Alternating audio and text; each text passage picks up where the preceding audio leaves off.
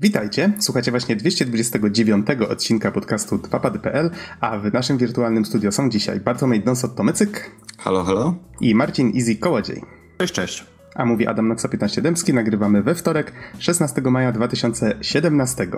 I w tym odcinku będą, będą dwie recenzje. Będzie to recenzja Shadow Tactics Blades of the Shogun, autorstwa Iziego i recenzja The Legend of Zelda Breath of the Wild. W końcu udało nam się zebrać, żeby zrecenzować najnowszą Zeldę i będzie to recenzja autorstwa Surfera i Iziego.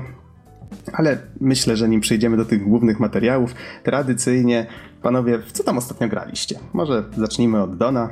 Don, co tam ostatnio grasz? No, u mnie bez niespodzianek. Um, gram w Niera Automatę, bez t-shirta co prawda. E, przynajmniej bez t-shirta, który jest promowany przez Yokotaro, bo e, z t-shirtem jakimś jednak, no, no jednak. E, poza tym właściwie mm, co innego u mnie słychać, jeśli chodzi o gry Dirt Rally, pojawia się co jakiś czas i regularnie Dirt 2, co jest dosyć ciekawym połączeniem, bo to jakby jest gra, która stawia całkowicie na bycie arcade'ówką, a nie symulacją. Um, I oprócz tego, oprócz tego nieśmiało Call of Juarez mi się przypomina, że powinienem go już skończyć. Mhm, pierwszą część? Tak, tak, pierwsza. Okej. Okay. A, a, właśnie, taka trochę przykra wiadomość, ale ostatnio czytałem, że zmarł aktor głosowy, który podkładał e, głos pod bohatera Gunslingera, Call of Juarez Gunslinger. Recenzja niedawno była na naszym podcaście. Mm, nie pamiętam dokładnie, dokładnych informacji na ten temat, ale no, w każdym razie dowiedziałem się o takim przykrym fakcie. A jeszcze taką rzecz sobie przypomniałem, Don, wspomniałeś o Dercie. Całkiem niedługo będzie miała premierę czwórka, Dert 4, tak? Dokładnie. Okej, okay, okej. Okay. No dobrze, Easy, a w co ty tam ostatnio grasz? E, ja ostatnio w sumie w sumie w końcu mogę powiedzieć, w co gram. E, w sensie udało mi się ograć trochę Quake Champions, e, tą, te bety, które ostatnio, e, ostatnio się dzieją. W ostatni weekend właśnie otwarta beta miała miejsce i powoli wysypują się recenzje, to znaczy recenzje. Pierwsze wrażenia od, z różnych serwisów i powiem tak, mi się podoba. Mimo tego, że ludzie oczywiście narzekają na to, że brak matchmakingu, że UI jest trochę straszne, że kupowanie bohaterów za prawdziwą walutę, co się jeszcze może zmienić, chociaż znając Zenimaxa i Bethesda, to tak to będą próbowali z tego wyciągnąć jak najwięcej pieniędzy, ale bądź co bądź, Quake Champions, jeżeli chodzi o gameplay, jest po prostu prześwietne. To jest stary, dobry Quake, jest grave jumping, jest po prostu akcja pompująca adrenalinę, jest wszystko, co potrzeba. Dobre bronie, dobre dźwięki, yy, fajnie zaprojektowane areny yy, i bohaterowie, którzy hmm, we wcześniejszych Quake'ach tak niezbyt, niezbyt dużo zmieniali, ale teraz każdy, każdy czempion y, ma inne umiejętności. Ma pasywną umiejętność, aktywną umiejętność, którą może uruchomić raz na jakiś czas i do tego jeszcze różny zestaw statystyk, czyli y, hapsy, zbroja i coś jeszcze, tylko nie pamiętam już nawet w tym momencie. I powiem tak, ludzie się bali przede wszystkim, że z Quake'a się zrobi kolejny Overwatch. I nic, nic z tego, nie, po prostu nic z tych rzeczy. Nie przejmujcie się aż tak bardzo, pograjcie ludzie, warto, dlatego, bo to jest stary, stary dobry Quake. Są te umiejętności, ale one nie wpływają aż tak bardzo na, na rozgrywkę samą. Teraz chyba najwięcej w ogóle na Kotaku ostatnio czytałem, najbardziej się burzą ludzie na matchmaking, ale to jest na razie beta, więc tym na razie nie należy się przejmować. Bądź co bądź, wchodzić na stronę Bethesdy, rejestrować się i niestety trzeba ściągnąć ich mniejszy launcher, który jest który jest no jeszcze w powijakach trochę, ale dla mnie bardzo warto.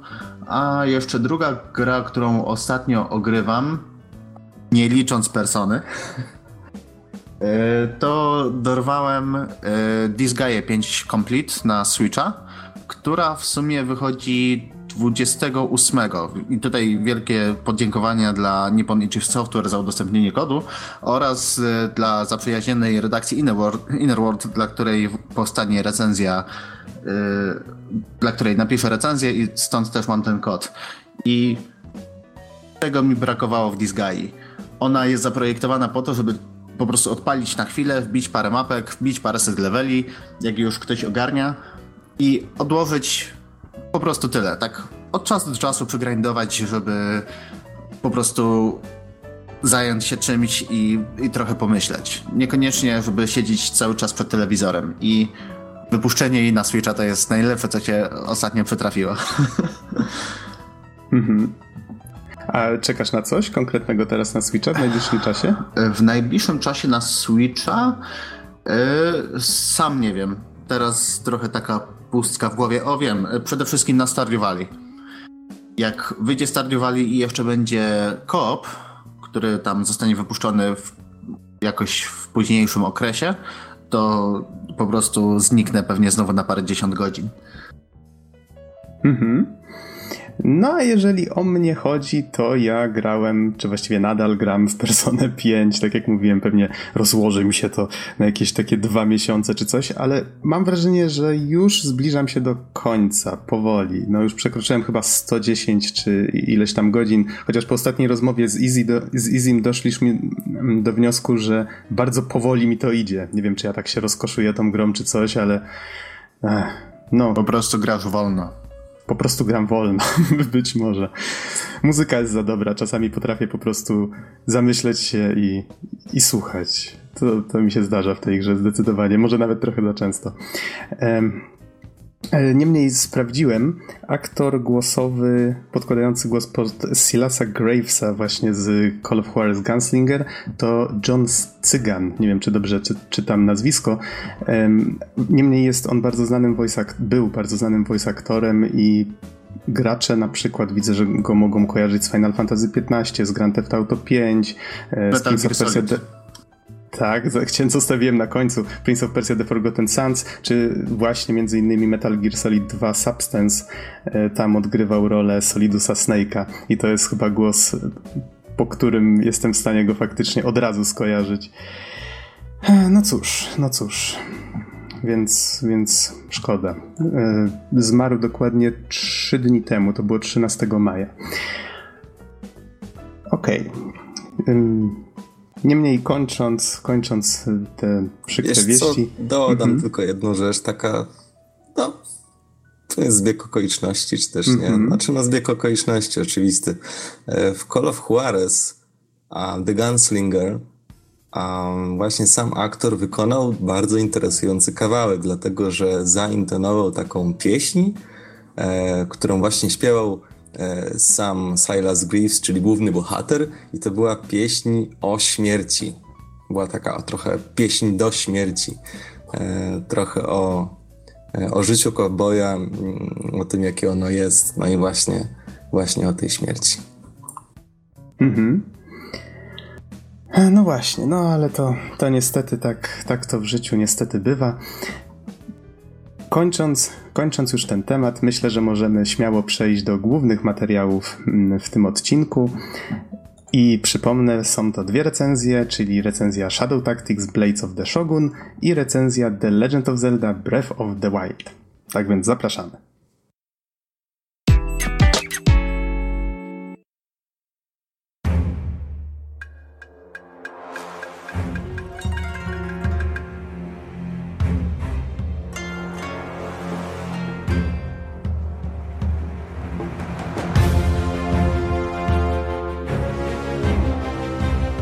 Wirtualnym studiu jest teraz ze mną Marcin Easy Kołodziej. Hej, hej. A mówi Adam Noxa 15 Dębski. Nagrywamy w środę 22 lutego 2017. A Easy będzie teraz recenzował grę Shadow Tactics Blades of the Shogun, czy Shogun, jak to się chyba powinno wymawiać. E, w sumie wymawia się i tak, i tak w zależności od regionu. Aha, okej, okay, okej. Okay. Czyli to takie, właściwie można podsumować chyba tę grę jako tacy komandosi komandosi w Japonii, w tak, Japonii. Takie e, Robin Hood Tactics Commandos of the Shogun, coś takiego. Dlatego bo to są takie Desperados, najczęściej... of Desperados. O, o, e, dobre, of Desperados.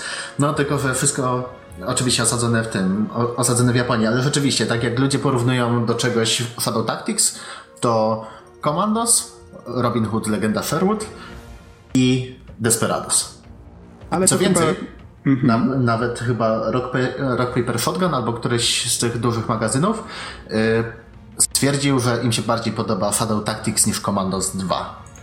O, no proszę. Ale z tego co pamiętam, to chyba właśnie komandosi spopularyzowali ten typ gameplayu, więc to im się chyba należy największe. Tak, hmm. tak, tak, też tak myślę, że ten, ten cały gatunek gier taktycznych czasu rzeczywistego, czy jakby to tamkolwiek określić, to rzeczywiście głównie komandosi, przynajmniej, przynajmniej w Polsce, bo w sumie nie wiem jak, nie wiem jak za granicą. Wiem tylko, że u tak, nas tak. tam za dzieciaka się grało właśnie w komandosy wszelkie i, i to było coś. Mhm. A to może właśnie, jeżeli ktoś nie grał w tego typu gry, to może krótko opisz, o co właściwie chodzi w samej mechanice, bo to ona jest tutaj chyba najważniejsza. A... Wiesz, co jest najważniejsze? Notka no. encyklopedyczna, jak na każdej recenzji. A, czy mam tobie oddać ten, ten zaszczyt, czy mam się e, sam poproszę. tym zająć? W takim razie. Aha, w sensie ja mam się tym zająć. E, nie, nie, nie, nie, ja. A to, to tobie oddaję ten zaszczyt, ależ proszę, tak? Jeszcze z taką japońską grzecznością się skłonię. O, dziękuję, dziękuję. Nie jestem godzien. E, dobra, no to ogólnie dzisiaj mówimy o Shadow Tactics Blades of the Shogun. To jest, tak jak mówiłem, gra taktyczna czasu rzeczywistego z aktywną pauzą. Jakkolwiek to nie brzmi głupio. E, wyprodukowana przez Mimimi Productions, znane z The Last Tinker. Szczerze mówiąc, nie słyszałem o tym zbytnio. Widziałem tam na Metacriticu jakieś oceny między 70, 70 parę. Ogólnie ogólnie nie wiem, dla mnie to tak trochę no name. Y, ale za to znam bardzo dobrze wydawcę, czyli Delarik Entertainment, niemiecka firma, zresztą tak samo jak producent. Y, wydawca m.in. Machinarium, Torchlighta dwójki, Dead Synchronicity, y, jednej z moich ulubionych przygodówek, czyli Deponii ogólnie masę dobrych gier. Wszystko jest oparte na silniku Unity, który ma swoje plusy i minusy, y, a zostało wydane aktualnie tylko na PC-ta 6 grudnia 2016 roku i zmierza także na konsole tej generacji, PS4 i y, Xbox One, tylko na razie jeszcze nie zapowiedziano daty premiery, z tego co mi wiadomo. Mhm. I z tego co widzę, gra posiada tylko tryb single player, tak? Tak, tak. To jest taki typowy single, tak jak Komandosi. Właśnie tak jak mówię. Komandos w, w czasach Edo. W, właśnie w takiej Japonii, tam okolice, okolice Sengoku, czyli tej takiej wojny klanów i ogólnie wewnętrznych zamieszek w Japonii. Więc mhm. e, tak. Może właśnie, może powiedz tak pokrótce, Czym się właściwie charakteryzowały gry z tego gatunku? Ogólnie to były strategie czasu rzeczywistego, więc wydawaliśmy wszystkie polecenia naszym bohaterom, tylko też to polegało na tym, że mieliśmy ograniczoną liczbę bohaterów i każdy z nich się specjalizował, w, tak jakby miał inną specjalizację, przez co inne umiejętności, inaczej się poruszał, inne właściwości, inaczej mógł reagować z otoczeniem.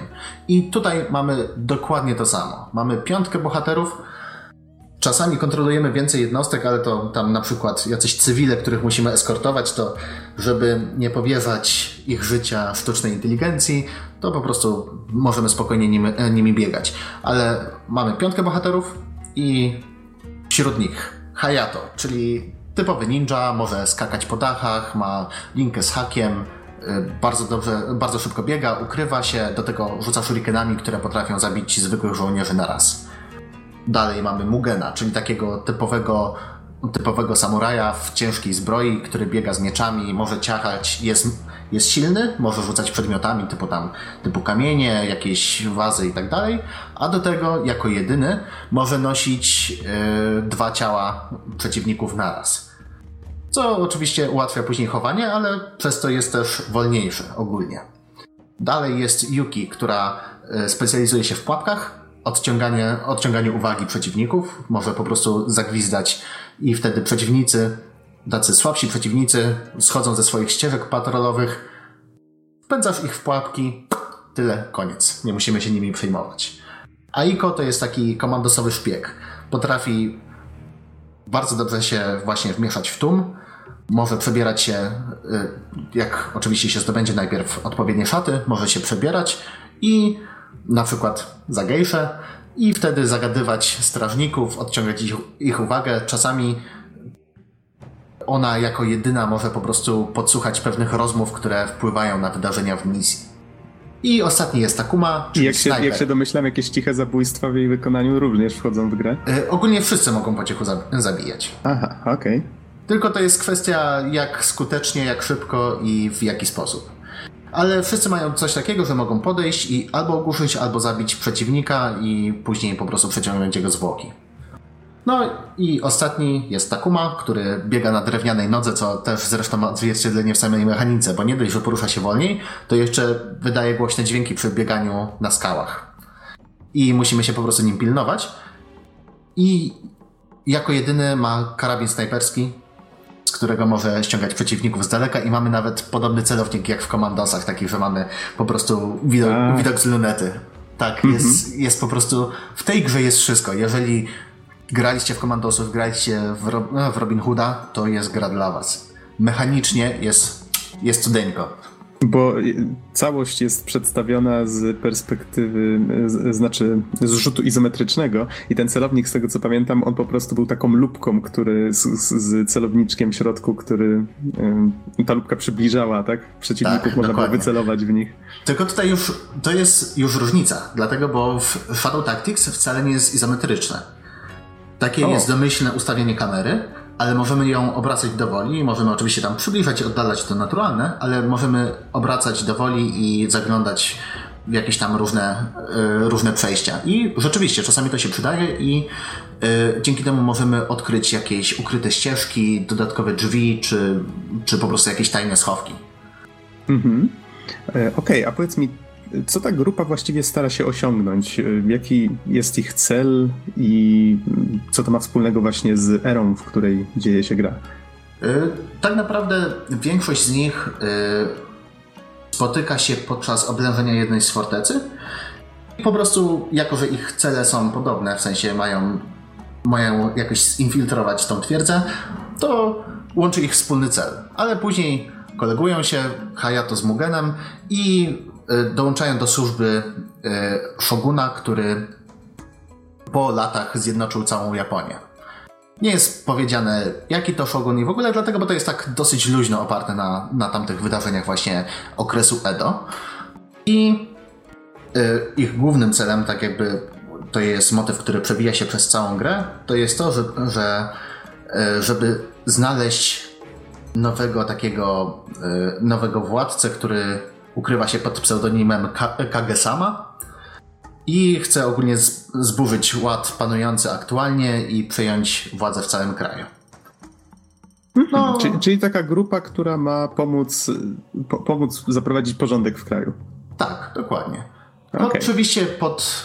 Y, nie mogą tego zrobić wprost, dlatego, bo to by wywołało po prostu taką regularną wojnę więc muszą się ukrywać, muszą jakoś tam spróbować po cichu wszystko załatwić. A oczywiście nic w życiu nie jest proste. Ktoś tutaj zostaje porwany, ktoś tam inny zostaje porwany, kogoś tutaj coś ten, nie i wszystko się komplikuje.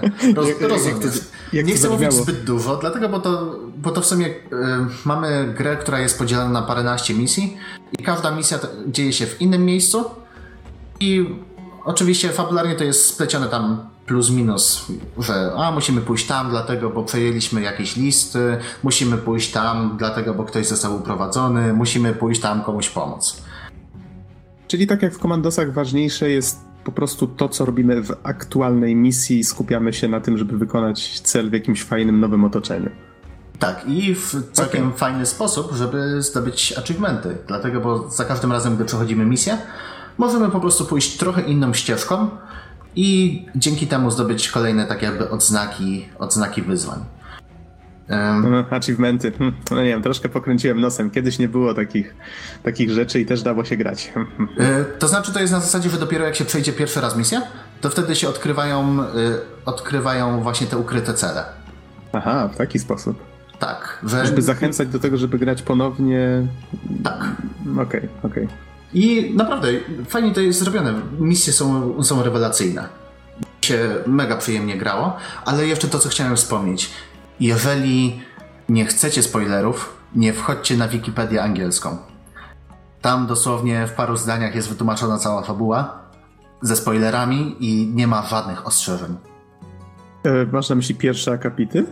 E, mam, na, mam na myśli e, taki piękny dział plot, A, no to gdzie ten... jest wszystko. No tak, to do tego działu, tak, to niebezpiecznie jest z reguły zaglądać. Pierwsze akapity powinny być wolne od takich rzeczy. No, powinno być jakieś ostrzeżenie, albo przynajmniej część tekstu powinna być ukryta. Zresztą w sumie to jest dobry pomysł. Chyba po prostu wezmę, wezmę zedytuję artykuł na Wikipedii.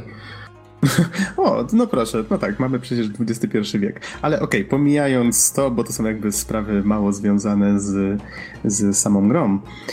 Um, powiedz, co, co, jeszcze możesz mm, przybliżyć, jeżeli chodzi o, o, grę? Bo na razie mam taki obraz właśnie takich komandosów ze, ze zmienionymi szatami.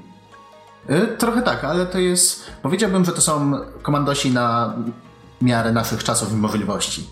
W sensie jest E, i właśnie bardzo ładna grafika i kamera, e, kamera 3D tak naprawdę i masa elementów takich interaktywnych w samych misjach. To jest bardzo fajne, że na przykład mamy misje w różnych warunkach pogodowych. Gdzieś tam mamy na przykład zimę, no to wtedy oczywiście zostawiamy ślady na ziemi, po których mogą nas śledzić inni, co już było za czasów MGS-a, ale.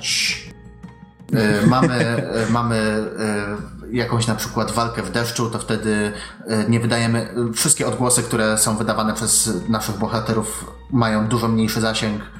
Oczywiście też to, że jak e, robimy coś głośno, to wtedy widzimy taką po prostu falę, tak jakby dźwiękową i widzimy, jaki to będzie miało zasięg, jacy przeciwnicy będą mogli na to zareagować. Mamy różne rodzaje przeciwników, takich E, takich słabych żołdaków, których można ściągnąć bardzo łatwo e, i bardzo łatwo też odwrócić ich uwagę. Mamy słomiane kapelusze, to są już tacy bardziej elitarni strażnicy, którzy wiedzą, że jak są na służbie, to są na służbie. I nie można tutaj gadać z jakąś dziewką albo iść po jakąś butelkę sakę. Nie? Służba to służba. Nie znają się na zabawie.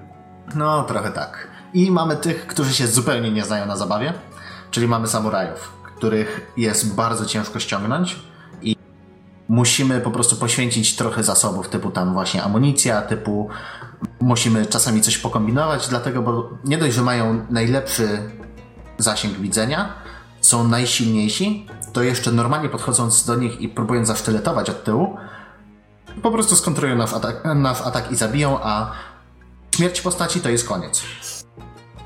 Czyli w sensie, jeżeli jedna z postaci zginie, zaczynamy misję od nowa, tak? Czy e, od ostatniego save'a.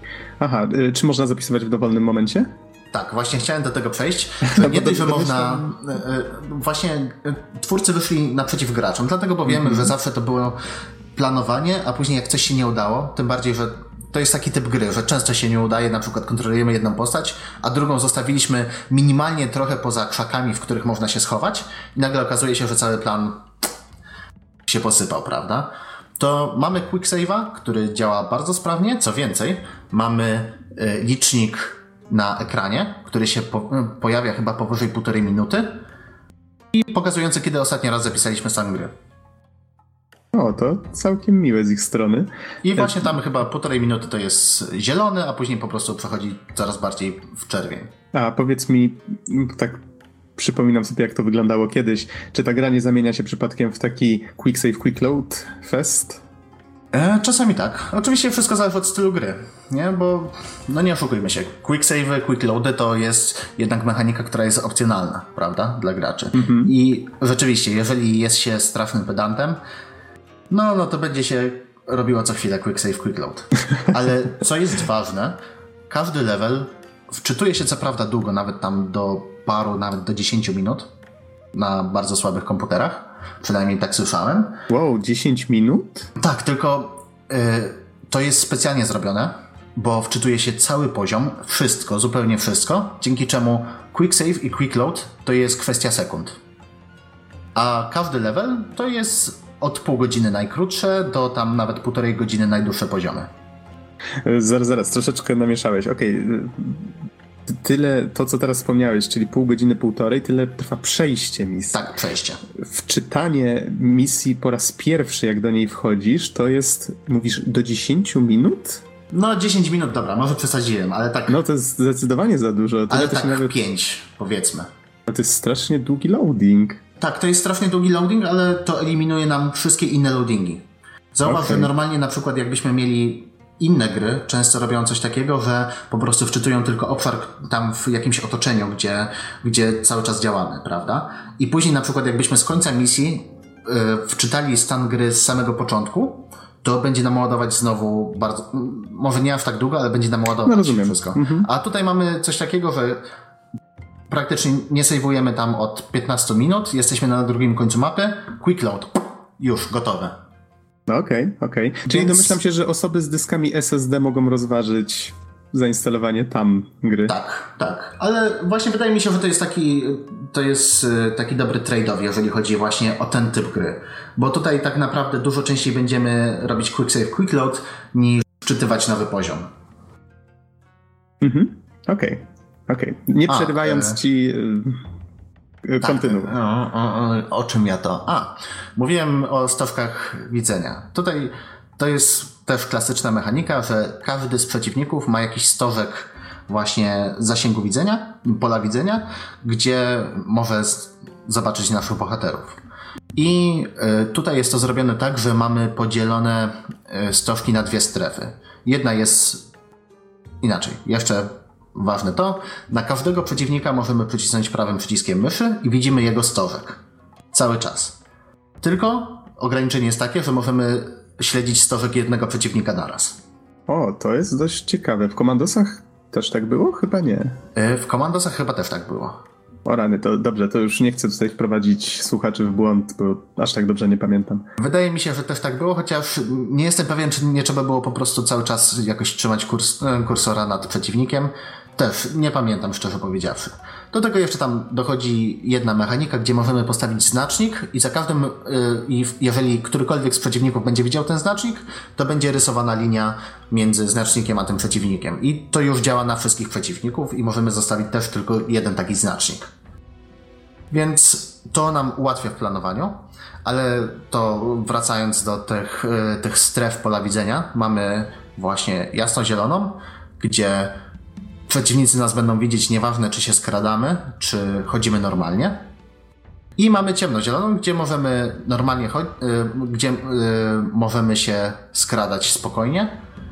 I dopiero po tym, jak wstaniemy, będziemy biegać albo będziemy wykonywać jakąś, jakąś bardziej widoczną akcję, to wtedy przeciwnicy zaczną nas zauważać. I to jest fajne, że ta strefa jest modyfikowana oczywiście przez wszelkie obiekty, które, które są na planszy, typu jakieś budynki, kamienie, krzaki itd., tak itd., tak ale także przez efekty pogodowe i przez ciemność. Więc na przykład mamy jedną z misji, która się dzieje w nocy, to bardzo dobrym wyjściem jest chodzenie i gaszenie wszystkich pochodni. Dlatego, bo nie dość, że przeciwnicy nas będą gorzej widzieć, jeżeli zgasimy jakieś światło, to jeszcze odciąga to uwagę niektórych strażników i będą chcieli podejść znowu je zapalić. A wtedy możemy zajść ich od tyłu i... Dokładnie. A później tylko zwłoki gdzieś wyciągnąć, albo wyrzucić do rzeki, albo schować w krzakach, albo gdzieś wrzucić w jakieś drzwi. Nie no, co ty, nie można wrzucać do rzeki, przecież to takie nieekologiczne, no, easy. A jak, jak, jak nieekologiczne? Tak? A rozłoży się prędzej czy później. Okej. Wszystko ekologiczne, biodegradowalne. Jakie tematy piękne. Um, okej, okay, okej. Okay. Wiesz co, tak patrzę na screeny i powiem ci, że gra wygląda przepięknie. Tak nie wiem czy wszędzie, ale niektóre obrazki naprawdę są urokliwe. Tak, ogólnie gra jest piękna według mnie.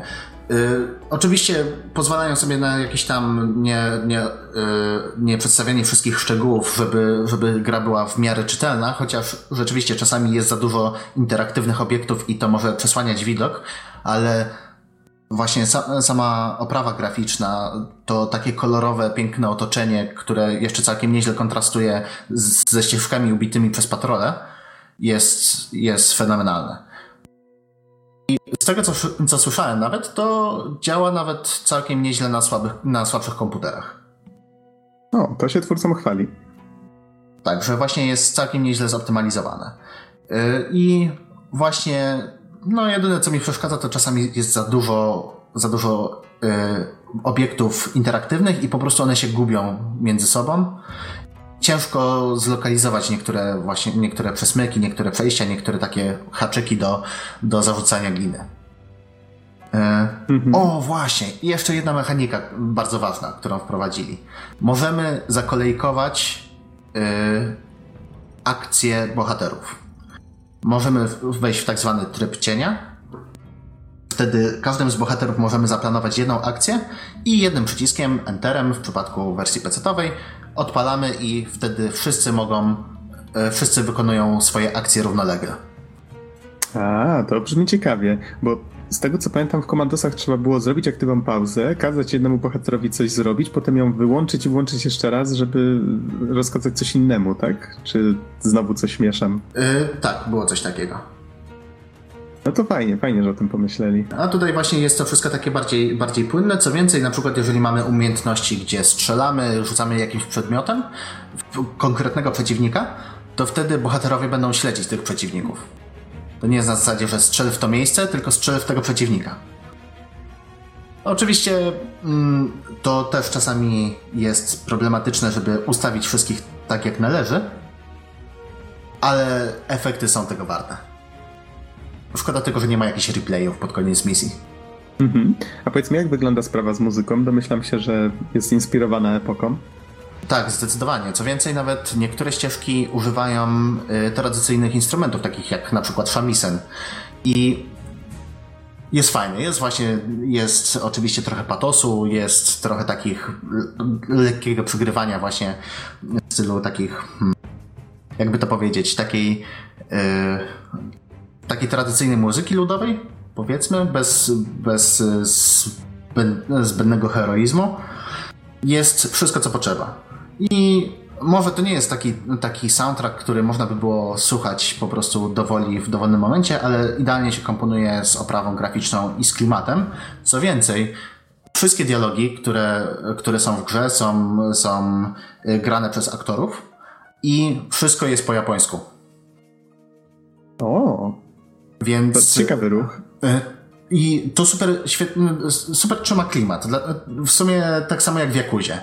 Jakuza, gdyby miała angielskie głosy, a w jednej z odsłon miała. No ja właśnie by... gram w jedynkę po angielsku. To źle?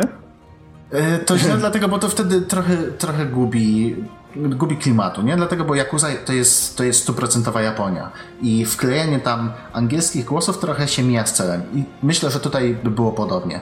I dzięki temu, że to są właśnie japońscy aktorzy, to, to nabiera takiego, takiej głębi i realności, powiedzmy. Myślę, że pozo, y, pozostawienie y, tak jakby samych tłumaczeń tylko, tylko wersji, kinowe, wersji kinowych, prawda? To jest super krok. Mhm. Okej, okay, powiedz mi, czy jeszcze o czymś chciałbyś wspomnieć, czy już raczej zmierzasz do podsumowania? To w sumie podsumuję. Podsumowując, Blades of the Shogun jest po prostu grą taktyczną czasu rzeczywistego na miarę naszych czasów i możliwości. To jest połączenie najlepszych elementów z Commandosa, Robin Hooda i Desperados, wszystko wymieszane, wymieszane ze sobą i zalane sosem y, z, z Japonii w okresie Edo. Jeżeli lubicie japońskie klimaty, jeżeli lubicie samurajów, ninja, a do tego lubicie gry, które wymagają myślenia i nie są takie proste, jak, jakby to się mogło wydawać, to nie krępujcie się, łapcie tą grę, dlatego, bo może nie była zbytnio nagłośniona w mediach, to jest naprawdę rewelacyjnym tytułem i świetnie się przy nim bawiłem.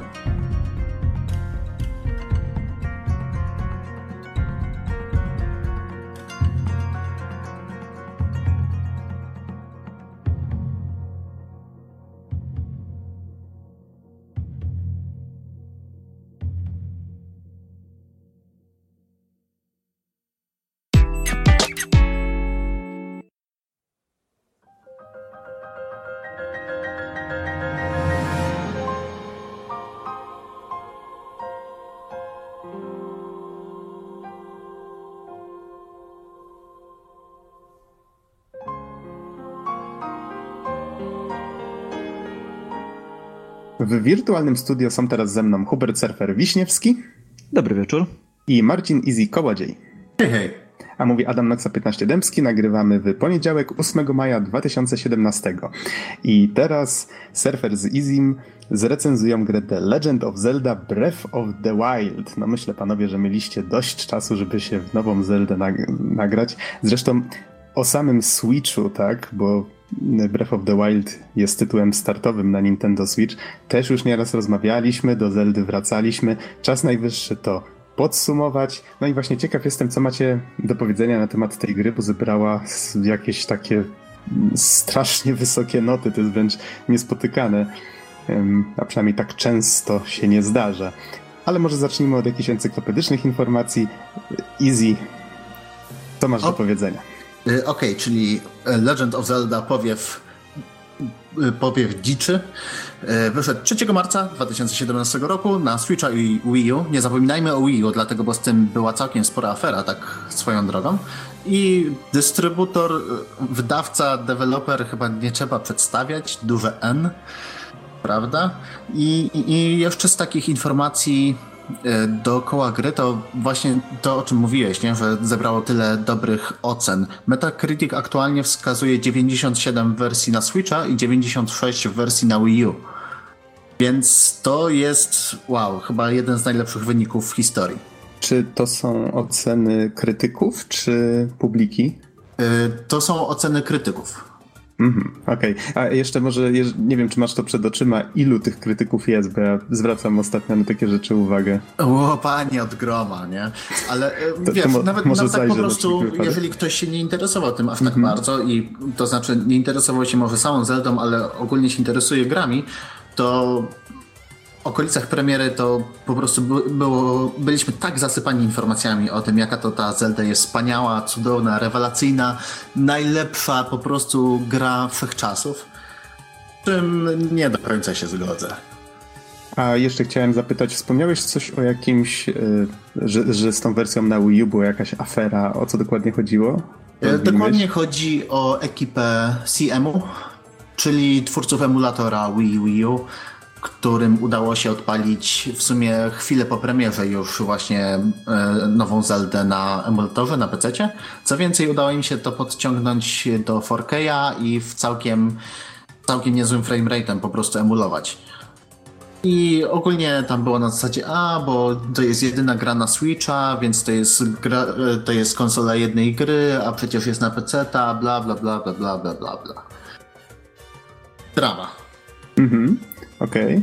Okay. E, za sekundkę powiem, jak to wygląda tutaj na Metacriticu. Okej, okay, już mi się wczytało.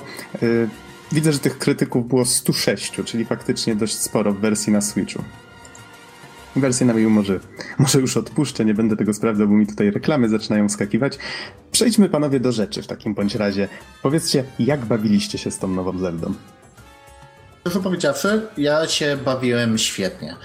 Nie, właśnie czegoś takiego mi brakowało. Tak jak mamy ostatnio wysyp gier open world, które po prostu zasypują nas waypointami, zasypują nas znacznikami na mapie i po prostu jest, nie możemy się odgrzebać z tego kontentu, prawda? Z takiego sztucznie wygenerowanego kontentu czasami, bo no nie oszukujmy się, dużo tych takich znajdziek, sidequestów i tak dalej, to jest po prostu kopiuj i wklej na całej mapie i gdzie nie pójdziemy, tam jest tego po prostu masa. Nieważne, czy jesteśmy w dziczy, czy jesteśmy na pustyni, czy jesteśmy gdziekolwiek indziej. I to w Nowej Zeldzie mi się podoba chyba najbardziej, że gra nas nie prowadzi za rączkę, tylko po prostu daje nam otwarty świat i na zasadzie idźcie, szukajcie i znajdźcie, jeżeli chcecie robić coś ciekawego. Czyli masz tutaj na myśli, że jest inna pod tym względem od, in, od tych wszystkich gier z otwartym światem, które no, przez ostatnie lata wychodzą, tak? Tych z masą ikonek na, na mapie, które prowadzą nas za rączkę. Tak, tak, dokładnie. Tutaj nawet są sidequesty typu dostajemy zdjęcia i to jest wszystko. Masz zdjęcie, idź, znajdź to miejsce. I nie ma żadnych, żadnych ikonek, niczego. Po prostu trzeba pójść i znaleźć. I to jest chyba jeden z najfajniejszych questów w sumie w tej Zeldzie, bo rzeczywiście tak zwiedzając ten świat, który miejscami jest taki dosyć, dosyć pusty po tej całej, fabularnie po całej katastrofie, w której Hyrule upadło, e, po prostu część, część tego świata leży w, w ruinie, gruzy, prawda, do tego jeszcze szczątki takich mm, takich e, mechanicznych strażników, tak zwanych guardianów, i Tak, i zgubiłem myśl. No właśnie, to może, może pomogę ci ją odnaleźć, mianowicie nie mieliście jeszcze okazji na podcaście wypowiadać się na temat fabuły tej Zeldy. O co tam właściwie chodzi? Już teraz mam jakieś pojęcie po tym, co powiedziałeś, połączyłem to sobie trochę ze zwiastunem, który wcześniej widziałem, ale z tego co pamiętam z jakichś pokazów, Link budzi się, jak zwykle w Zeldzie, tak? Tylko, że tym razem w jakimś dziwnym miejscu, które przypominało trochę, nie wiem, czy to statek kosmiczny, jakaś taka dziwna technologia, coś w rodzaju hibernacji, jak to nazwać? E, właśnie to, to była hibernacja, tak naprawdę. Na samym początku nie wiemy zbyt wiele. Po prostu budzimy się, wiemy, że Link stracił pamięć, Bynajmniej częściowo, coś tam, coś tam kojarzy, dostaje dosłownie, początek gry wygląda tak, że się budzimy, wychodzimy z tej takiej komory kryogeny, kryogenicznej, czy jakkolwiek by, te, by tego nie nazwać, dostajemy swojego specjalnego iPhone'a i otwierają... E, no to wygląda jak, jak iPhone, to się nazywa Fake Slate i to jest specjalne urządzenie zostawione przez przez y, właśnie rasę fejka, które, które hmm, będzie dzierżone przez bohatera. I otwierają się drzwi i tyle. Mamy otwarty świat, możemy iść przed siebie. No dobra, może nie otwarty świat, bo potrzebujemy jeszcze zrobić pierwsze cztery frajny, takie kapliczki.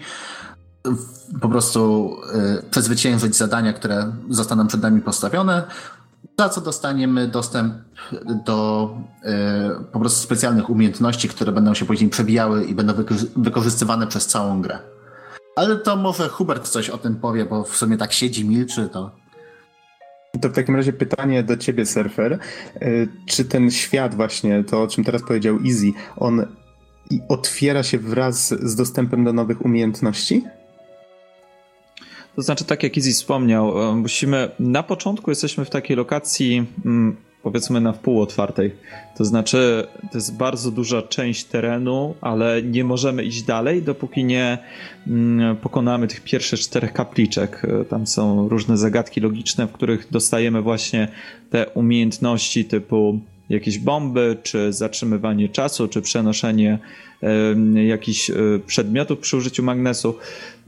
I po wykonaniu tych czterech zadań dostajemy taką, powiedzmy, lotnię, dzięki której możemy dostać się na resztę y, tego kontynentu. E, więc świat oczywiście jest bardzo otwarty i możesz iść gdziekolwiek chcesz, nie masz żadnych blokad. E, jedyne co, no to po prostu możesz trafić gdzieś na jakichś zbyt e, trudnych przeciwników, no i wtedy wiesz, że warto za, e, zawrócić. Chociaż oczywiście też w wielu lokacjach możesz kombinować i, e, i gdzieś tam sobie powoli przedzierać się. Możesz zresztą tak na dobrą sprawę po tej tutorialowej pierwszej lokacji przejść już do ostatniego bossa i go pokonać, więc są speedrunnerzy, którzy tak robią i przechodzą tę grę w kilkadziesiąt chyba minut. E, swoją wow. drogą, Nox, pytałeś e, o to, jak się grało. Ja nadal gram w tę grę. Ja nadal jeszcze nie przeszedłem mm, Zeldy. Tutaj persona mi troszeczkę wyjęła życiorysu, więc, więc wróciłem mm, po personie do, do Zeldy i mam 70 chyba kilka godzin E, przy czym teraz właśnie troszeczkę się tak bawię jakimiś różnymi zadaniami pobocznymi. E, gdzieś tam sobie przemykam w okolicach tej e, końcowej lokacji, ale nadal mm, nie chcę kończyć tej gry. Chcę jeszcze troszeczkę porobić dodatkowych rzeczy i, i się tym wszystkim pobawić. No I to jest fajne, że, że tak na dobrą sprawę na samym początku gry dostajemy już ten zestaw umiejętności, który pozwala nam na wykonanie praktycznie każdego zadania w grze na przezwyciężenie wszystkich zagadek logicznych, czy, czy teoretycznie też na pokonanie różnej maści wrogów. E, a już to, jak tego użyjemy i co my z tym wykombinujemy, to już jest tylko i wyłącznie nasza inwencja twórcza. Więc to jest, e, to jest chyba najmocniejsza, najmocniejsza strona tej Zeldy. Właśnie oprócz tego świata, który jest bardzo dla nas otwarty, wszędzie się możemy wspinać, e, możemy w różnej kolejności podchodzić do różnych zadań i tak dalej. Tak na dobrą sprawę już mówię, praktycznie od samego początku jesteśmy wolni. No, ale właśnie też e, te możliwości, które dostajemy już od samego początku. Fajnie, że nic tutaj nas e, nie blokuje, nie masz takiej sytuacji, że czegoś nie możesz wykonać, bo czegoś nie zdobyłeś. Mm, możesz robić tak naprawdę wszystko, co chcesz i tu też tylko i wyłącznie wszystko zależy od ciebie, więc e, to jest naprawdę fajne. Nie wiem, Easy, od czego tak naprawdę chcesz zacząć w recenzji? Widzę tutaj Twoje notatki, mam przed oczami. Mm, widzę, że właśnie napisałeś o tym organicznym designie, czyli coś, o, czym właśnie wspominam, czyli że ta gra, tak na dobrą sprawę, największą rozgrywkę, rozrywkę daje właśnie poprzez takie różne sytuacje, które dzieją się e, mimowolnie czasami. Na przykład zdarzało się tak, że przypadkowo wybucha gdzieś beczka, po czym podpalają się trawy i na swojej lotni możemy wyskoczyć e, nad ogniskiem e, dzięki podmuchom gorącego powietrza i tak dalej. To tworzy, tworzą się cały czas, co chwilę jakieś tego typu sytuacje i też nieczęsto zdarzało się do tej pory w grach, żebym nawet po kilkudziesięciu godzinach grania i poznania, oczywiście już poznaniu takim dogłębnym tych, tych wszystkich mm, mechanik gry, nadal był czymś zaskoczony. To znaczy, nadal potrafiła gra mnie zaskoczyć tym, że jakiś wróg zachował się tak, jak się nie spodziewałem, czy e, coś przy okazji się wydarzyło nie tak, jak sobie to przewidziałem. Ale to jest naprawdę fajne i to powoduje, że tej, w tę grę chce się grać i można w nią grać naprawdę dziesiątki godzin. E, właśnie super jest to, że tak naprawdę najbardziej jesteśmy zaskakiwani tym, jak ten świat jest taki bardzo naturalny, prawda? Choćby bierzemy, bierzemy siekierę po to, żeby ściąć drzewo, żeby przejść na drugą stronę jakiejś, jakiejś szczeliny. I w większości gier nawet o tym nie pomyślimy, dlatego, bo bo dlaczego by tak miało być, prawda? W grach wideo przecież tak się nie robi. Nie podchodzi się do tego aż tak szczegółowo, żeby można było każde drzewo po prostu było y, nie oskryptowane, tylko traktowane jako obiekt fizyczny, żeby można by było przewrócić i, i za tego garnąć. I właśnie dzięki takim malutkim smaczkom i rzeczom dla, y, nienaturalnym dla gier, a natura, na, naturalnym dla nas, to jest takie mega ciekawe. Dla mnie chyba największe takie głupie zaskoczenie, gdzie nie pomyślałem o tym.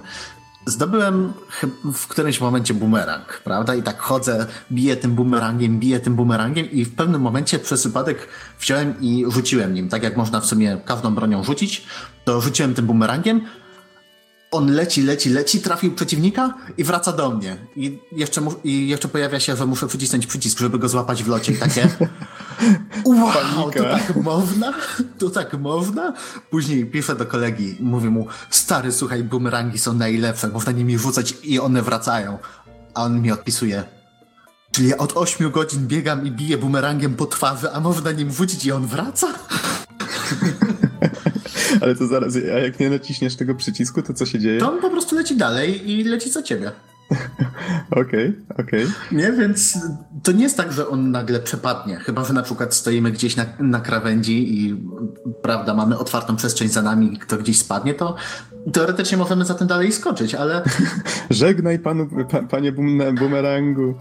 Jak kocha, to wróci, nie? Ale, tak. ale wiesz, ale właśnie, kurde, to jest, to jest super. To jest super właśnie w tej nowej, nowej Zeldzie, że wszystko jest takie naturalne i, i gra niczego nie tłumaczy tak naprawdę. Mamy jakieś podstawowe mechaniki, mamy sterowanie, ale oprócz tego masę przyjemności sprawia nam odkrywanie niektórych rzeczy nawet przez, przez przypadek. Mhm. Tutaj zrobiło mi się kilka pytań. Po pierwsze, przypomniałem sobie e, o tym, co surfer powiedział jakiś czas temu, że e, według niego większą krzywdę można komuś zrobić, spoilując, jakie możliwości mamy w tej grze, czyli właśnie te zależności między tymi poszczególnymi elementami, to e, pozbawienie kogoś właśnie tej radochy z eksperymentowania, niż na przykład e, zdradzenie mu, jak przebiega fabuła. To, to było całkiem ciekawe e, stwierdzenie. Podoba mi się właśnie to. Zresztą myślę, że to właśnie dlatego ta, być może właśnie recenzenci tak e, tak ochoczo rozdają te dziesiątki nowej Zeldzie, bo ona w końcu stara się zrobić coś właśnie inaczej niż inne gry. I, I właśnie zastanawia mnie, jak ta fabuła, bo tutaj napoczęliśmy jakby tę historię, ale chciałbym się dowiedzieć od was, oczywiście bez żadnych spoilerów, czy warto sięgać po tę grę dla samej fabuły? Czy ta historia, no tutaj główne pytanie do Iziego, który skończył, tak? Czy faktycznie ta historia się w pewnym momencie jakoś fajnie rozkręca? Tutaj pamiętam, że fani spekulowali w jakiś sposób na temat tego, jak ta część jest usadowiona względem pozostałych części, właśnie tam y, się bawili w usadowianie tego, czy jako prequel, czy jako sequel. Już nie będę może tutaj podawał szczegółów, bo to dość skomplikowany proces był. No właśnie, Easy, jak to jest z tą fabułą? E, szczerze mówiąc, dla samej fabuły nie warto. Tak zupełnie nie warto. Dlatego, bo tutaj fabuła jest tylko tłem. Tak naprawdę najważniejsza jest właśnie mechanika i odkrywanie przez tą mechanikę całego świata i właśnie taka trochę melancholijna podróż właśnie przez, przez Hyrule, przez wszystkie pustkowia, przez zniszczone miasta i przez właśnie osady, osady różnych przedstawicieli różnych ras. Melancholijna I... w takim sensie, że zwiedzamy kraj, który Link teoretycznie zna, ale który swoją dawną świetność już jakby jego świetność przeminęła, tak? Tak jest, właśnie tak jak mówiłem, na samym początku dowiadujemy się, że Hyrule, po którym stąpamy, to jest y, kraina, która została zniszczona 100 lat wcześniej przez Ganona, który w tej części w tej części mi się osobiście nie podoba, dlatego, bo w tej części on jest takim po prostu uosobieniem pierwotnego zła. Nie jest postacią per se, tylko jest po prostu jakąś taką siłą natury destruktywną. Co pasuje do tytułu gry. Yy, tak, w sumie, w sumie trochę tak, ale nie wiem, mi się tak średnio podobał ten zabieg, szczerze powiedziawszy. I yy, najwięcej fabuły tutaj mamy przy okazji tych zdjęć, o których mówiłem, dzięki którym Link odzyskuje pamięć oraz przez zadania główne, ale to też tej fabuły nie ma dużo. Chociaż jeszcze część fabuły jest ukryta podobnie jak w Soulsach przez visual storytelling. Właśnie zwiedzając po prostu niektóre miejsca możemy się domyśleć, co tam się działo i, i dlaczego ludzie reagują na innych teraz tak, a nie inaczej. Mhm, bo tutaj, jak mówisz o fabule, to przypomina mi się zwiastun, na którym widzieliśmy y, takie bardzo emocjonalne sceny właśnie z Zeldą i żeśmy nawet tutaj spekulowali jeszcze przed premierą, że rany to będzie chyba najbardziej emocjonująca Zel y, The Legend of Zelda ever, tak? Czyli jednak nie do końca pod tym względem? No nie do końca, może tutaj się wtrącę, bo mimo tego, że jeszcze gry nie skończyłem, to wydaje mi się, że i tak już chyba większość e, fabuły zobaczyłem. E, większość fabuły właśnie jest e, obserwowana z punktu widzenia tych zdjęć, które odkrywamy właśnie te miejsca, dostajemy na początku, praktycznie na początku gry. Ileś tam zdjęć, fotografii, musimy znaleźć te miejsca na świecie i właśnie pojawiając się w tych miejscach, dostajemy takie krótkie scenki, które pokazują mniej więcej, co się wydarzyło. E, no jest tego bardzo mało, niestety. Jest za mało fabuły, jest za mało narysowanych, jakoś zarysowanych postaci, mimo tego, że wydają się one całkiem fajne. I sam Link niestety jest też dosyć kiepskim bohaterem jak dla mnie, dlatego że, no rozumiem, że Link jest niemową, ale mógłby okazywać chociaż trochę więcej emocji, więc... Yy, E, słabo, słabo to wypada. E, przyznam szczerze, że bardzo liczę na to, że tutaj Nintendo e, zrobi jakiś fajny dodatek DLC. Wiadomo, że będzie dodatek fabularny pod koniec roku. Liczę mocno na to, że będzie to prequel, w którym mm, zobaczymy tych fajnych na pierwszy rzut oka bohaterów, o których dowiadujemy się z takich krótkich przerywników. No i będziemy mogli poznać ich trochę lepiej, bo niestety no, Link tak naprawdę jest kompletnie nijaki. E, Zelda wydaje się bardzo fajna, przy czym no też jest jej trochę za mało. Mm, reszta bohaterów, e, których mogliśmy zobaczyć między innymi na trailerach, no niestety, niestety jest za słabo zarysowana, więc no, pod tym względem jest e, kiepsko i no wiadomo, że nawet jeżeli wyjdzie DLC fabularne, które jakoś to E, poszerzy to uniwersum, no to w samej, e, w samej podstawowej grze jest tego za mało i zdecydowanie, jeżeli ktoś myśli o tym, że zostanie wciągnięty tutaj e, w tę grę przez fabułę czy postacie, no nie, tak na dobrą sprawę.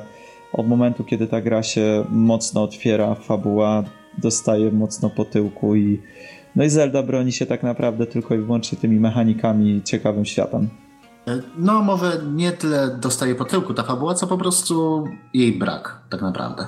Chociaż, szczerze powiedziawszy, postać Zeldy mi się strasznie podobała w tej części, bo jest taka taka ludzka. I w sumie te, te wspomnienia, które są właśnie, które odkrywamy, też podkreślają melancholijny wydźwięk gry. Mhm. Okej, okay, to trochę nakreśliło sytuację. Już bardziej rozumiem, z czym mamy tutaj do czynienia. A skoro mówicie, że gameplay jest tutaj najważniejszy, to może wróćmy do niego na moment.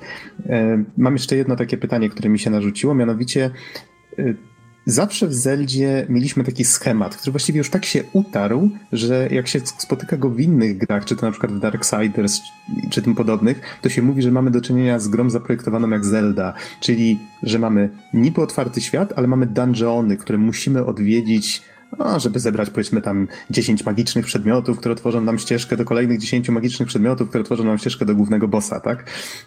Wiecie o czym mówię. Czy tutaj mamy do czynienia z czymś podobnym? Y, nie, tak jak Hubert mówił, że y, skończymy pierwsze, pierwsze cztery tam kapliczki, dostajemy podstawowe takie umiejętności, właśnie magnetyzm, zatrzymywanie czasu wybranym obiektom, y, dostajemy lotnie i bomby. I plus do tego jeszcze ostatnia umiejętność to jest taki lodowy filar, który możemy postawić na wodzie. I tyle, i koniec. To jest wszystko, z czego korzystamy do końca gry samej. Okej, okay, ale wspomnieliście, że to jest właściwie początek, więc co my potem robimy z tym wszystkim? Yy, właśnie mamy kolejne wariacje na temat tego, jak wykorzystywać te moce. To jest. To jest. Wow, to trzeba przyznać, że rewelacyjny pomysł. Dlatego, bo z jednej strony to są takie dosyć podstawowe umiejętności, ale jednak yy, wszystkie te kapliczki, które są nadobowiązkowe i one nam dają taki specjalny przedmiot. Cztery sztuki tego przedmiotu możemy wymienić na jedno serduszko albo na poszerzenie paska staminy, który swoją drogą też nas ogranicza na początku, dlatego bo jak chcemy się wspinać czy biegać szybciej, to wtedy po prostu tracimy powoli staminę. Ale yy, wracając do kapliczek, yy, właśnie stosując te wszystkie podstawowe umiejętności, mieszając je, plus do tego jeszcze oczywiście jakieś wspinaczka, zastosowanie ognia, wiatru itd., tak itd., tak mamy każdą kapliczkę mamy trochę inną i trochę inaczej się ją przechodzi i za każdym razem jest to taki trochę powiew świe świeżości, coś, coś ciekawego i coś, gdzie rzeczywiście były takie momenty, gdzie wchodziłem do kapliczki i po prostu kminie przez 5-10 minut. Wow, jak, jak to zrobić? Przecież ja nie mam tutaj odpowiedniej umiejętności, a później okazuje się, że biorę jedną z podstawowych, tylko wykorzystuję ją w taki sposób, o którym wcześniej nawet nie pomyślałem. Mhm. No dobrze, ale nie jestem pewien, czy do końca odpowiedziałeś na moje pytanie. Czy jakie są w takim razie cele już, jak ten świat się otwiera? Czy faktycznie y, szukamy czegoś konkretnego, czy po prostu szukamy tego głównego bossa, który gdzieś się tam chowa? to, to znaczy, wiesz, cel jest jeden. Wieść uczciwe życie ucznia. A nie, czekaj, to nie ta gra. cel jest jeden. Zabić Ganondorfa. Zabić Ganona, który się tutaj nazywa Calamity Ganon i tyle. I właśnie dzięki temu też znowu surfer wspominał, yy, speedruny w 50 minut. Okej, okej. Okay, okay. Chociaż jak zwykle nie jest to dobry wyznacznik, żeby mówić o tym, jak długa jest gra, to, to, to warto podkreślić, jeżeli ktoś nie interesuje się speedrunem. O, właśnie, przypomniałem sobie, wspomniałeś o tym, y, o tym, no nazwijmy to smartfonie, czy może czy może tablecie, tak? O, tablet to chyba jest lepsze określenie na to, co Link nosi przy sobie. Do czego to właściwie służy? E, to służy do właśnie dzięki Shake'a Slate możemy korzystać z tych specjalnych umiejętności, o których mówiłem. Do tego jeszcze jest przenośną mapą, GPS-em, e, lornetką i aparatem fotograficznym. No i może wykrywać też, wykrywać też na przykład pobliskie szrajny albo e, później właśnie jak fotografujesz różne rośliny bądź zwierzęta, może też cię powiadamiać o tym. Jeżeli zaznaczysz sobie, że szukasz na przykład jakiegoś konkretnego, nie wiem, rodzaju grzyba, e, to możesz sobie to ustawić, żeby on cię tam powiadamiał i będzie sobie pikał, jeżeli będziesz w okolicy. Więc e, no to jest taki, taki właśnie wielofunkcyjny urządzonko, jak, jak nasze tablety. Chociaż nasze tablety pewnie nie mają takich możliwości wykrywania. No ale, ale wiadomo o co chodzi.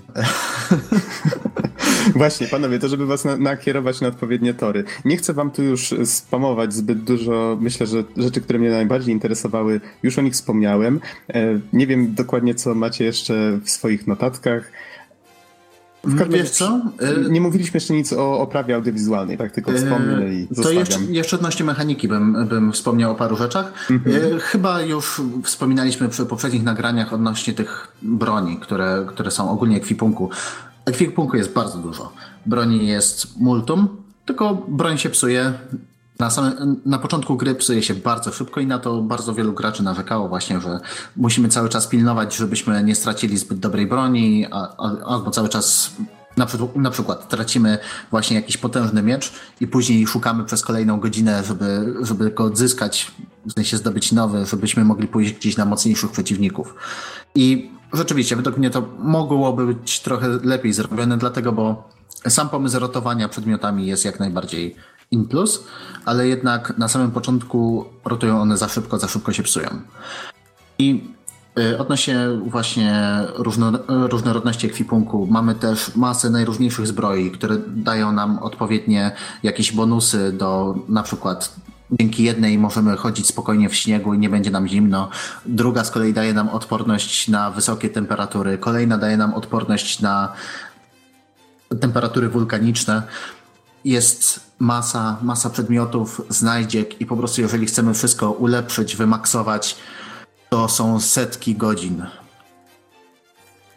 W pewnym momencie mnie to setki, setki godzin, które zmęczyło mnie to w pewnym momencie, właśnie takie poszukiwanie, poszukiwanie pojedynczych itemków, żeby, żeby ulepszyć sobie zbroję, żeby dawała plus 3 obrony więcej.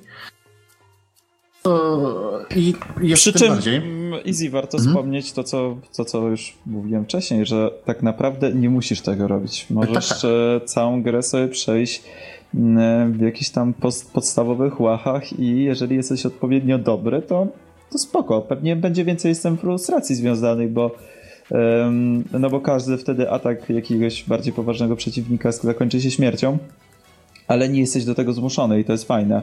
Tak na dobrą sprawę to takie e, maksowanie postaci, które ja teraz robię, e, czyli zdobywanie jakiegoś tam super dobrego ekwipunku, to jest tylko i wyłącznie dodatek, e, który można zrobić dla zabawy, bo chyba nawet w całej grze nie ma jakichś tak bardzo wymagających przeciwników, którzy wymagaliby tego. Tak naprawdę no ważniejsze jest tutaj odpowiednie przygotowanie. Swoją drogą tutaj warto o tym wspomnieć, że mamy możliwość gotowania i ważenia eliksirów, więc jest to trochę podobne do tego, e, jak wygląda to w Wiedźminie trzecim, czyli że do każdej walki czy do każdej podróży warto się przygotować. Na przykład jeżeli idziemy w góry i spodziewamy się, że będzie tam mroźno i zimno, to warto sobie zrobić jedzenie, które będzie nas rozgrzewać, albo zabrać ze sobą ubranie, które będzie ciepłe.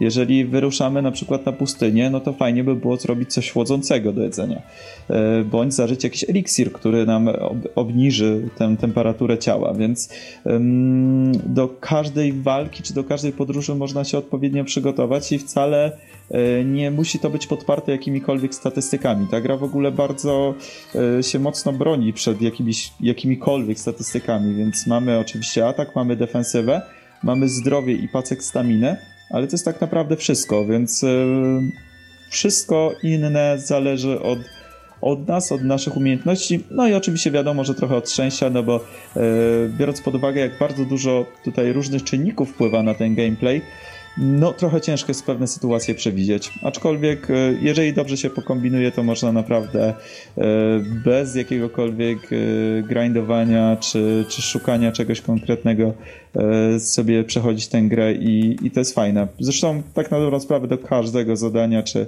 każdego wyzwania możemy podejść na kilka różnych sposobów, więc. Tutaj Easy zresztą wspominał już o tym wcześniej, że jest tak dużo fajnych tych mechanik, o których oczywiście nie chcemy mówić, ale jeszcze ciekawsze jest to, że tak na dobrą sprawę można przejść tę grę nawet nie zdając sobie sprawy z tego, że właśnie na przykład bumerangiem można rzucić i go później złapać, prawda? E, więc jest wiele takich rzeczy, które odkryłem po kilkudziesięciu godzinach, albo odkryłem, bo gdzieś przeczytałem, bądź ktoś mi powiedział, e, mimo tego, że sam odkrywałem zdecydowaną większość, więc e, to jest fajne. To jest fajne, że ta gra właśnie w żaden sposób nas tutaj nie prowadzi za rękę, nie zasypuje tutorialami, tylko jesteśmy w to wrzuceni i, i jak masz ochotę to sobie rać. To jest już tylko twoja inwencja twórcza, y, żeby się nie zabić. Y, właśnie to, co powiedziałeś przed chwilą, to według mnie najlepiej po prostu opisuje całą Zeldę, że tak naprawdę nie jesteśmy ograniczeni statystykami, jakimiś takimi sztucznymi po prostu y, sztucznymi ograniczeniami narzuconymi przez twórców gry, tylko jesteśmy ograniczeni naszą wiedzą i naszymi umiejętnościami. To jest to, co po prostu nas, y, co definiuje y, po prostu nasze y, moc, że tak powiem, siłę naszego linka. Po prostu musimy się nauczyć walczyć, musimy się nauczyć spinać, musimy się nauczyć wielu różnych trików i wtedy nic nam nie stoi na przeszkodzie, żeby biegać praktycznie na golasa.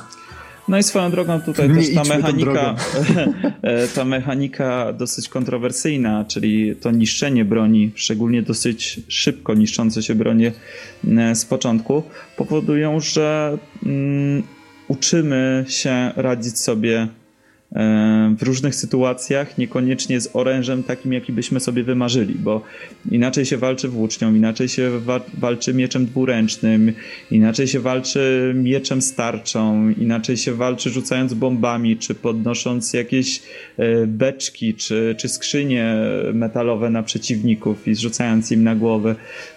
Inaczej się strzela z łuku, więc wiesz, mamy bardzo dużo różnych możliwości i przez to, że nie możemy sobie wybrać tak naprawdę jednej ulubionej metody na start. Jesteśmy zmuszeni przez to niszczenie się ekwipunku y, do tego, żeby próbować cały czas czegoś nowego, więc to jest chyba taki mm, jeden ze sposobów, który, który gra pokazuje, co ma do zaoferowania, że że właśnie uczy nas tych nowych technik, nowych mechanik i tak dalej. I to my się stajemy lepsi jako gracze, a nie e, Link jako postać, która ma nagle 10 defensywy więcej i to definiuje, że gdzieś przejdziemy, gdzie nie mogliśmy wcześniej się dostać. Więc to jest, to jest naprawdę super. E, swoją drogą Easy, tak troszeczkę cię popędzę. O warstwie audiowizualnej chyba nie wspominaliśmy za wiele. Tutaj warto powiedzieć, że gra działała dużo gorzej na premierę niż działa teraz. To znaczy Nintendo spaczowało, e, spaczowało grę w ostatnim czasie i działa ona zdecydowanie lepiej. To znaczy nadal gubi czasem klatki w niektórych bardziej wymagających momentach, ale no ale powiedzmy, że trzyma ten framerate już tak w okolicach tych 30 fps-ów i, i działa to całkiem fajnie. Y, ja może tylko dodam jeszcze od siebie, że jeżeli chodzi o muzykę, to jest ona fajna i przyjemna, chociaż uważam, że troszeczkę za mały z tych y, utworów, trochę za mało różnorodności, aczkolwiek to, co jest, jest naprawdę fajne, fajnie nadaje klimat, więc y, generalnie audiowizualna strona gry jest bardzo, bardzo przyjemna. Gra w ogóle jest przepiękna tak naprawdę, mimo tego, że E, sprzęt, e, na którym się pojawiła, nie jest jakiś super mocny. My tutaj obydwa akurat mieliśmy okazję zagrać wersję na Switchu, e, ale, ale robi to wrażenie, szczególnie w formie tabletowej. No a jakie jest Twoje zdanie? No to znaczy, wiesz co, tak naprawdę jeżeli chodzi o technikalia i tak jakby taką czystą moc, to grafika nie jest rewelacyjna. Ale jeżeli chodzi o design i właśnie przedstawienie całego świata, jest fenomenalnie. Jest, jest super i naprawdę jest masa widoczków. Nawet zdarzyło mi się czasami robić screeny, bo po prostu tak się zachwycałem. Y, I tylko właśnie miałbym. Y, do paru rzeczy bym się po prostu przyczepił, y, jeżeli chodzi właśnie o, o design świata graficzny. Przede wszystkim o kapliczki. Kapliczek jest bardzo dużo do znalezienia i wszystkie są w takim samym klimacie, w sensie taki E, jakby to powiedzieć. No taki... taka sama stylistyka, taka futurystyczna, czyli masz sto ileś kapliczek w grze, które wszystkie wyglądają praktycznie tak samo. tak samo, są identyczne stylistycznie, identyczne kolorystycznie i mimo tego, że każda mechanicznie e, cię e, w jakiś sposób sprawdza i oczywiście jedne są bardzo proste, inne są bardziej wymagające, niektórych to w ogóle nie mam pojęcia jak przejść, mimo tego, że podchodzę już któryś raz no to niestety, tak jak mówisz, one wyglądają praktycznie tak samo. E, jest to taki ten motyw, powiedzmy, futurystyczny, Futurystyczno-runiczny. Tak, futurystyczno-runiczny się przewija przez całą grę od samego początku, tak jak zresztą no, wspominałeś, że to miejsce, w którym się budzi Link, które było widać na trailerach, że wyglądało jak jakiś statek kosmiczny. No i niestety każda, każda z tych kapliczek, każde to wyzwanie e, wygląda tak samo. No i nie byłoby problemu, gdyby tych e, wyzwań było 20-30, no a przez to, że jest ich e, ponad 100, no to niestety staje się to no takie, e, może nie powiedziałbym, że jakieś mocno nużące, ale na pewno już e, nie pompuje krwi w człowieku do serca, tak jak na początku, że w jakiś sposób to było ekscytujące. Powszednieje po prostu Teraz, graczowi. teraz po prostu wiesz czego się spodziewać, ewentualnie mechanika e, może cię zaskoczyć, no i pod tym względem oczywiście gra robi robotę. Mhm. I jeszcze do jednej rzeczy, jeżeli chodzi o audiowizualia, bym się przyczepił. Do voice actingu, dlatego, bo jest voice acting w scenkach. Przede wszystkim jest, są wszystkie scenki, które są odgrywane, chociaż nie, nie wszystkie. Scenki ze wspomnieniami na pewno są, są odgrywane, jest, jest voice acting, są głosy. No tutaj oczywiście są zwolennicy, są przeciwnicy. Bardzo dużo graczy narzeka na to, że angielski voice acting jest po prostu słaby w większości przypadków. Zelda jeszcze jakoś ujdzie, a reszta jest taka taka dziwna, powiedzmy, ale właśnie to, co mi się y, może nie do końca podoba, wiem, że tak było zawsze, że, że Zelda i tak dalej, i tak dalej, ale mamy takie oldschoolowe szczekanie, że tak powiem. Jak gadamy z, z dowolnym NPC-em, który nie jest ważny dla fabuły, no to wtedy mamy takie, takie dziwne dźwięki, które wydają. Taki gibberish. Tak, tak. Ewentualnie tam jakieś pojedyncze słówka, tak jak, yy, tak jak właśnie jedno z raz zawsze się zawsze mówi dzień dobry w swoim języku, to mówią sawak, sawak, sabak? I, I tak przez całą grę. I to rzeczywiście w, w pewnym momencie może po prostu przeszkadzać. Ale... W ramach tego, w ramach promowania polskiego języka zamiast gibberish powiem bełkot. O, o musiałem, bełkot. Sobie przy, musiałem sobie przypomnieć. No, ale takie trochę niesmak, że tak powiem, ale oprócz tego nie wiem, czy mogę się do czegokolwiek innego przyczepić. Mhm. To jedno pytanie właśnie a propos tej wersji na Wii U nie mieliście może okazji albo gdzieś czytaliście, jak ona się sprawdza? Czy to jest dokładnie ta sama graficznie gra, czy jednak jest dużo gorsza? E, to znaczy nie to, że dużo gorsza. Oczywiście jest nieco gorsza, no nie oszukujmy się. Tym bardziej, jeżeli mówimy oczywiście o e, Switchu, który jest wpięty w, w doka. Dlatego, bo jest e, na Wii U jest niż, e, niższa rozdzielczość, brak antyaliasingu, tam trochę różnice w oświetleniu i tak dalej, i tak dalej. Ale z tego, co słyszałem i przede wszystkim polecam materiał Digital Foundry, jeżeli, jeżeli się interesujecie takimi bardziej technicznymi analizami, to wersja na Wii jest dobra, nawet, nawet bardzo dobra. Y, I żeby było zabawniej, y, też ma problemy z framerate'em miejscami, ale przeważnie są to inne miejsca niż na Switchu. Okej. Okay, okay. Nie wiadomo dlaczego. Przy czym te artykuły, właśnie ze względu na te patche, o których wspomniał surfer, mogą trochę stracić na aktualności, ale to... Y, są też nowsze wersje, Aha, gdzie okay. porównują nowe patche, więc. Dobrze. Na, naprawdę, jeżeli chcecie jakiekolwiek porównań właśnie wydajności między konsolami czy między wersjami, to obczajcie sobie kanał Digital Foundry, do którego pewnie zalinkujemy. Jeżeli nie zapomnimy. Tak, jeżeli nie zapomnimy, to postaramy się dodać to jak zwykle pod, e, pod opisem podcastu. E, dobrze, panowie, jeżeli już wspomnieliśmy chyba o wszystkim, czy właściwie wspomnieliście o wszystkim, myślę, że możecie chyba już przechodzić do podsumowania. Jak sądzicie? Jak najbardziej. To może ja, żeby jakoś za mocno tutaj nie przeciągać, bo już któryś raz rozmawiamy o Zeldzie, wydaje mi się, że jakieś tam nasze, nasze przemyślenia już się wyklarowały dla wszystkich. Mm, powiem tak. E, Zelda jest zdecydowanie jedną z najlepszych gier, w jakie grałem, e, a już na pewno jedną z najlepszych gier ostatnich lat. Mm, więc jest dla mnie w ścisłej czołówce powiedzmy tej generacji, no, mimo tego, że na Switch możemy powiedzieć, że jest nową generacją, ale tak licząc powiedzmy od początku PS4 i Xbox One, no jest zdecydowanie w top, więc, więc jest super. Czyli jednak przy coś czym, jest w tych wysokich ocenach.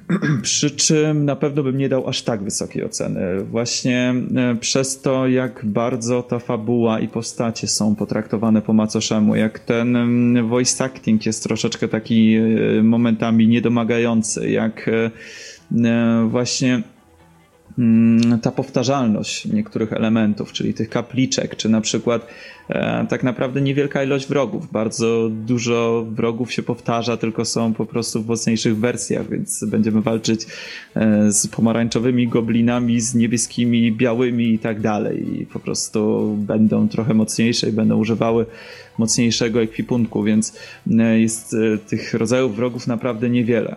E, więc może nie powinienem tutaj też przed zakończeniem gry jakichś wielkich osądów wydawać, ale powiem tak w skrócie, że na pewno w Zelda warto zagrać i mm, na pewno warto, jeżeli ktoś ma Wii U, a jeżeli ktoś nie ma, no to być może za jakiś czas warto pomyśleć o Switchu. Między innymi ze względu na tę grę, szczególnie, że na Switcha powoli zaczynają wychodzić większe tytuły. Teraz wyszedł Mario Kart 8 e, Deluxe, wychodzi niedługo ARMS i Splatoon 2, które też zapowiadają się fajnie. E, ale no Zelda mi się bardzo podobała, jest naprawdę świetną grą i do takich kilkugodzinnych posiedzeń w domu przy e, dokowanej wersji albo też w podróży. Jak najbardziej wielokrotnie grałem, jakieś tam wykonywanie sobie mniejszych zadań czy, e, czy zagadek logicznych jest naprawdę super, fajnie się to sprawdza w podróży, więc no, tutaj na pewno dużym plusem też do generalnie całego odbioru tej gry jest fakt jak skonstruowany jest Switch czyli że można go zabrać ze sobą i no i z jednej strony nie powinno się może tego brać pod uwagę przy ocenie samej gry, ale z drugiej strony na pewno to poszerza możliwości mm, jakiegoś tam odbioru tego tytułu. Y, więc y, słowem zakończenia, na pewno warto zagrać, na pewno polecam. Jest to jedna z najlepszych gier, y, w jakie grałem. Fajnie redefiniuje gatunek i pokazuje, że niby oklepany temat gier z otwartym światem można zrobić w zupełnie inny sposób, bardzo ciekawy. No powiem szczerze, że na tyle mi się spodobała ta Zelda, że zupełnie nie mam ochoty przez to wracać do Horizon, bo już się tak przyzwyczaiłem, że mogę podejść do wielu rzeczy na tak wiele sposobów, że mogę wszędzie się wspiąć, że praktycznie nic mnie nie ogranicza, tylko jakaś tam moja um, wyobraźnia i, i, umiejętności, więc no zdecydowanie polecam. Ja jeszcze tylko dodam od siebie, że yy, zgadzam się w pełni, że na pewno nie zasługuje ta gra na same dziesiątki od wszystkich, dlatego, bo to na pewno nie jest gra dla wszystkich. Yy, będą ludzie, którzy się po prostu bardzo szybko zmęczą repetytywnymi sidequestami, szukaniem najróżniejszych znajdziek, właśnie itemami, na które trzeba bardzo często polować. Yy, to jest męczące na dłuższą metę, ale z drugiej strony takiego open worlda jeszcze nie mieliśmy i Naprawdę ta melancholijna podróż przez Hyrule była dla mnie rewelacyjna, była świetna, dlatego, bo dawno się tak dobrze nie bawiłem w open worldzie. Tak jak Horizon Zero Dawn mi się bardzo podobał ze względu na setting, ze względu na, na taką fajną mechanikę strzelania i tak dalej, i tak dalej, to Zelda mi się podoba przede wszystkim dlatego, że fajnie się bawi przestrzenią i fajnie dozuje nam atrakcje. W sensie, że tak naprawdę dzięki temu, że bardzo dużo podróżujemy, czy to, na, czy to pieszo, czy to na koniu, czy to wspinając się, lecąc, czy jakkolwiek inaczej, y, przez przestrzeń, na której nie ma nic ciekawego do znalezienia, nie ma sidequestów, nie ma waypointów, nie ma niczego takiego, to po prostu chłoniemy świat i wszystko, co znajdziemy, czy to będzie jakiś podróżnik, sprzedawca, znajdźka, czy czy przeciwnicy, to wszystko wydaje się być po prostu mega ciekawe i mega interesujące.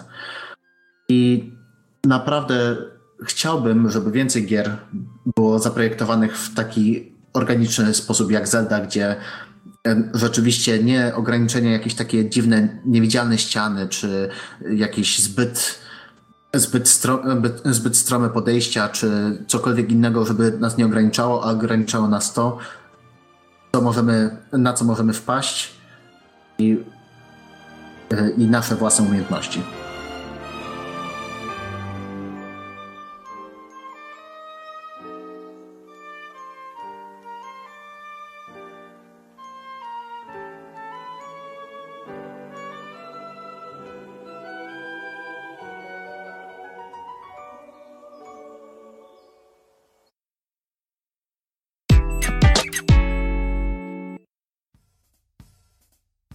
To już wszystko na dzisiaj. Dziękujemy Wam bardzo za uwagę i do usłyszenia w następnym odcinku. Trzymajcie się. Hej, hej! Do usłyszenia.